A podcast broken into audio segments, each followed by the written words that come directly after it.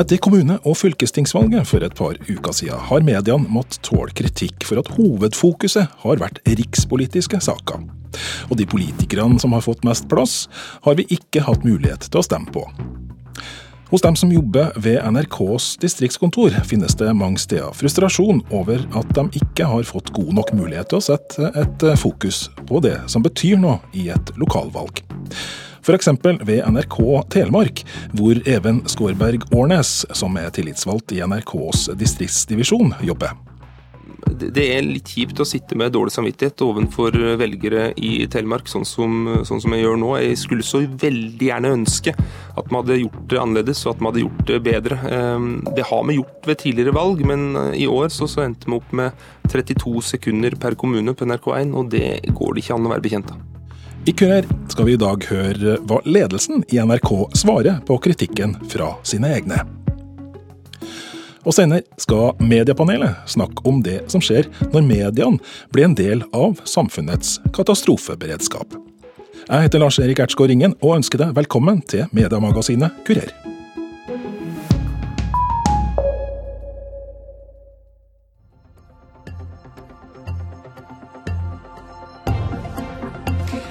Det er dette vi har venta på. Noen små sekunder igjen, Jama. Ja, en nervepirrende valgkamp koker ned til dette øyeblikket her, når vi får den viktigste dommen. Deres dom, velgernes dom. Her kommer resultatene for kommunevalget i 2019. Dette bildet her Sånn hørtes det ut da NRKs store valgsending nådde det kanskje største dramaturgiske høydepunktet i sendinga da de siste valglokalene stengt. 4% til Arbeiderpartiet, en kraftig tilbakegang. Dette viser at Jonas Gahr Støre har ledet partiet sitt til det dårligste kommunevalget i partiets historie. Videre til Høyre. Erna Solberg lander på 20 Men paradokset er at de resultatene du hørte her, egentlig ikke er interessante i et lokalvalg. For det her er tall som forteller hvordan partiene ligger an totalt på landsbasis. Og mange kritiserer også mediene for å ha redusert kommune- og fylkestingsvalget til en slags meningsmåling, for å se hvordan ting ligger an to år før det viktige valget, altså stortingsvalget.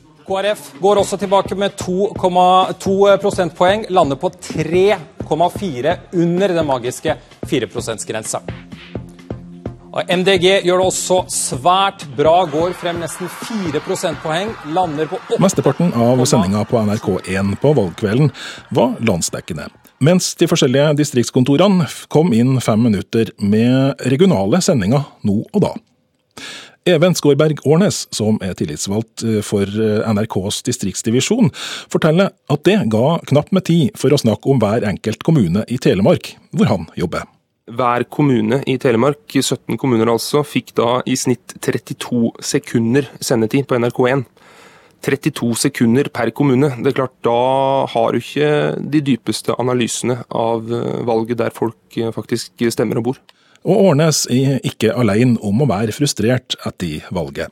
Arbeiderpartiets ordfører i Skien, Hedda Foss Five, føler på det samme. Vi som stiller som lokale kandidater, vi blir uviktige. Vi blir nærmest sånne B-politikere som ikke det er verdt å, å, skrive om, hvor sakene våre ikke er viktige nok. Det går utover engasjementet også, og litt den politiske selvtilliten og motivasjonen. Even Skårberg Årnes mener at det har vært bedre og mer naturlig i et lokalvalg å gi NRKs regionale sendinger hoveddelen av sendetida i stedet.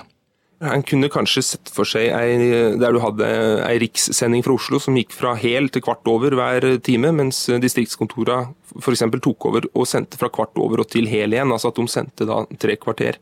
Jeg tror også det hadde vært en, en, en bedre løsning for, for, publikum, som da får et enda tettere forhold til den sendinga de ser, og får resultater og analyser fra kommuner de bor i, eller kommuner som er nærme der de bor, som de har et forhold til. Også dekningen av valgkampen opp mot selve dagen vi gikk til stemmeurnene, gir Skårberg Årnes dårlig samvittighet. Han forteller at måten ledelsen i NRK har organisert ting på, har gjort det krevende å faktisk gi velgerne i Telemark god nok informasjon om politikken i sin hjemkommune. Ja, altså For Conny Telemark så har vi følt at formateringene innenfor de plattformene vi har, har vært eh, til hinder framfor til å være til hjelp. Eh, for å ta nett og, og, mobil først. Der har det jo vært en strategi i mange mange år om at vi skal lage færre for å gjøre bedre, og sakene vi lager skal nå ut til hele landet via nrk.no. Det er jo i utgangspunktet bra, sånn isolert sett, men i dekninga av et lokalvalg så gjør det det litt vanskelig, fordi den strategien har ført til at vi systematisk har bygd ned våre lokale nettsider, altså de som heter nrk.no skråstrek, også det fylket du er interessert i, de har systematisk blitt bygd ned i, gjennom mange år, og da har vi ikke den plattformen vi skulle ønske vi hadde for å nå ut digitalt da, til, til, eh, det lokale publikummet. Det er én ting. Og på radio så har vi jo hatt um, formateringskrav på både morgensendingene og ettermiddagssendingene den siste tida. Det skal være flytradio, og det skal være Eh, fire minutter verbalt, og så skal det avløses av ei plate, og så skal det være oppdatering med vær og trafikk og sånt noe. Og det er mye bra med det også, men det gjør det kanskje litt krevende å få til ei god ø, valgdekning. Det gir lite rom til debatter fra kommuner som kan være interessante osv. Så, um, så det er vanskelig å løfte det lokale innholdet godt nok, uh, syns vi her i Telemark. Vi i Kurier har i arbeidet med dette programmet tatt en ringerunde og snakka med de tillitsvalgte ved flere lokalkontor i NRK, og de fleste sier at eh, de kjenner seg godt igjen i frustrasjonen i Telemark. Du lytter på mediemagasinet Kurier på NRK P2, hvor vi så langt har hørt at journalistene ved flere av NRKs distriktskontor er frustrert over at de ikke fikk gode nok muligheter til å dekke kommune- og fylkestingsvalget. Men bekymringene til Even Skårberg Årnes knytter seg ikke bare til NRKs valgkampdekning. Da kulturminister Trine Skei Grande offentliggjorde regjeringas forslag til ny mediestøtteordning i Norge tidligere i vår, fortalte hun at eh, det er alvorlig at det finnes flere lokalsamfunn i Norge som har svært tynn journalistisk dekning. I talen sin ga hun klar beskjed om at NRK nå må ta ansvar for å dekke de her hvite flekkene på norgeskartet. De får i ansvar å dekke de tematiske og de geografiske skyggene som jeg snakka om tidligere. Hvis vi ikke ser en framvekst av lokalmedia i de områdene, så har NRK et spesielt område. Ikke å starte de store utkonkurrentene der det fins konkurrenter, men å heller fylle hullene i de områdene vi ser at vi ikke har ordentlig mediedekning. Skårberg Årnes, eh, som altså er tillitsvalgt eh, i distriktsdivisjonen i NRK, er redd for at de omleggingene som Rikskringkastinga nå er i ferd med å gjennomføre i distriktsnettverket sitt, fører til at de går i motsatt retning av det de burde ha gjort, om de skal gjøre noe med de journalistiske hvite flekkene. Jeg eh, må innrømme at jeg ser eh, ikke helt lyst på det. Fordi vi mister plattformer til å dekke den lokale journalistikken på. Vi har i dag ei ettermiddagssending som har tre timer sendetid mandag til fredag, med en musikkandel på ca. 50% Det er foreslått at den skal øke til om lag 70% i tillegg så er det foreslått å slå sammen NRK Telemarks ettermiddagssending med NRK Vestfolds ettermiddagssending, i og med at lokalkontora, eller distriktskontora slås sammen eh, pga. at eh, regionreformen gjør sitt inntog. Det betyr at den mister enda mer eh, flate for å, dekke det lokale stoffet. Fordi vi har bygd ned nettsidene våre. Det er ingen lokalsaker der lenger. Eh, og TV-sendingene er allerede regionalisert. Så jeg ser litt mørkt på mer musikk og mindre flater å dekke det lokale eh, innholdet på, og sørge for at vi gjør og opprettholder det lokale oppdraget vi har fått av Stortinget. Marius Lillelien er NRKs distriktsdirektør. Han svarer sånn på Skårberg Årnes sin bekymring for at den omorganiseringa NRK nå står oppi, fører til at det blir vanskelig å prioritere lokal journalistikk i framtida. Vi har jo ikke store planer om å slå sammen mange sendinger. Noen steder er det aktuelt, som i Vestfold og Telemark. Eh, men de fleste stedene rundt omkring i Norge så vil jo vi f.eks. beholde radiosendingene like lokale som i dag, til tross for at, at fylke, fylkene endrer seg. Og Det handler jo om nettopp evnen til å fortsatt kunne gi et godt lokalt tilbud. Så må vi balansere det mot på andre plattformer, i TV-sendingene våre f.eks. Det å kunne der dekke et større region for å, for å få dekke det bildet godt. Så vi må jo ha en, sånn sett en balanse i det, i det regionale og det lokale det vi jobber med nå, handler ikke om å, å kutte i journalistiske årsverk eller noe sånt. Snarere tvert imot så jobber vi om hvordan vi kan få mer ressurser til journalistikken og til innholdsproduksjon.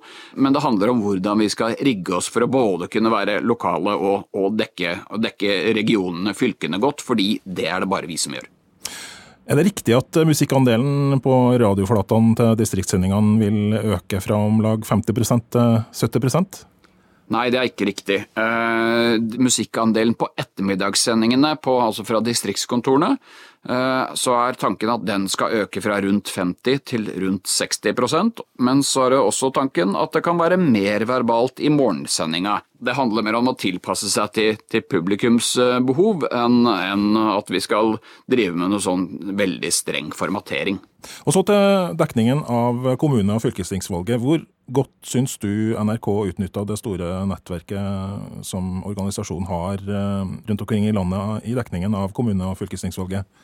Ja, det overordna bildet er at jeg syns vi har all mulig grunn til å være stolt av det. Eh, det er jo greit å være sjølkritisk i, i, Telemark, men jeg syns egentlig det de, de løste det på en ganske god måte. Og de løste det på andre måter da andre steder. I alle vestlandsfylkene så vet jeg at de var ute og hadde sendinger fra alle kommunene.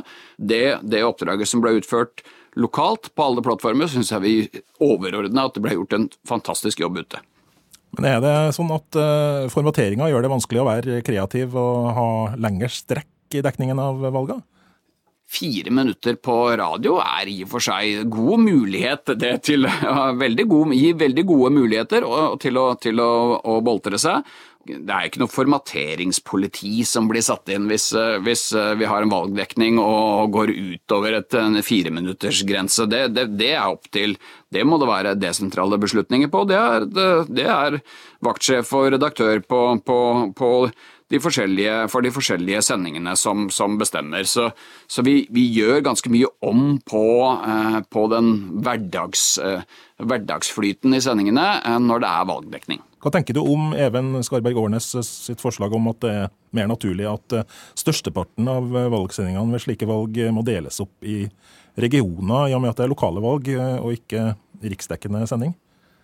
Det er ikke noen hemmelighet at det der er en stor dragkamp i NRK hvert fjerde år når det er kommune- og fylkestingsvalg, hvor distriktskontorene gjerne Vi vil gjerne ha mer sendetid, og så vil gjerne sentral og, og, og liksom, politisk avdeling og sånn ha, gjerne fokusere på å kunne liksom, bringe riksperspektivet. Eh, så jeg tror en kombinasjon av det uansett er det beste. I år så økte vi jo andelen eh, eh, fra, fra distriktskontorene. Forrige, ved forrige valg var det 50 minutter, i år var det 70 minutter. Så jeg, jeg forstår ikke helt det regnestykket på, på 31 sekunder, hvordan, hvordan 70, 70, minutter fordelt på 17 kommuner kan bli 31 sekunder, men det er nå så sin sak. Vi, i, vi hadde faktisk da betydelig mer sendetid på distriktskontorene i år enn ved forrige valg. Eh, men jeg er jo enig med de som sier at denne valgkampen ble prega av for mye rikspolitikere. Det handla vel veldig konkret om at bompengesaken ble så stor, og at den faktisk var, sto i fare for å gi, for å gi, en, gi landet en regjeringskrise midt under et lokalvalg. Så det var, det var veldig spesielt. men Eh, og jeg er enig i at det alltid er en utfordring i, i eh, kommune- og fylkestingsvalget at fokuset blir for mye på, på rikspolitikk, eh, mens folk faktisk, faktisk, skal velge lokalt og i sitt eget fylke. Så det, det er noe vi hele tida må jobbe med å finne riktig balanse i.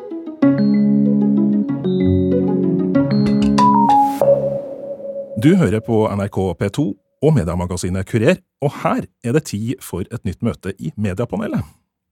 Og I dag har nyhetsredaktør Frode N. Børfjord fra Adressa og redaktør Lars Østrått fra Trønderbladet møtt opp hos meg her i studio. Og I tillegg til det så har vi med oss nyhetsredaktør Fredrik Mandal fra Trønderavisa i studio i Steinkjer. Vi har lagt bak oss ei uke med svært mye vær flere steder i landet. Både på Østlandet, Vestlandet og her i Trøndelag har vind og store nedbørsmengder ført til flom og flere ras. Så dramatisk har situasjonen vært at eh, lokalsamfunn i flere bygder har vært eh, både evakuert og isolert. Og noen steder har det vært fare for både liv og eiendom. Og det vi skal snakke om oppi det her, er hva det er som skjer når mediene går over fra å være rene nyhetsformidlere til å være en eh, uformell del av eh, den felles beredskapen vår eh, når for eksempel naturkreftene rammer oss. Fredrik Mandal, hvilken rolle er det dere i media har i en sånn beredskapssituasjon? Når det er uvanlige hendelser, så er det viktig å få fram informasjon til, til både dem som er berørt og dem som er nysgjerrig på det. Den rollen går vi inn i når, når veier flommes over og ras eh, truer. Hva tenker du først og fremst er rollen til Trønderavisa om en større flom eller et ras rammer området deres, sånn som denne uka, da? Det viktigste er å få fram eh, informasjon fra, om hva som har skjedd, og om hvordan folk skal forholde seg til det. Eh, det er informasjon vi, vi legger ut åpent eh, tilgjengelig for alle.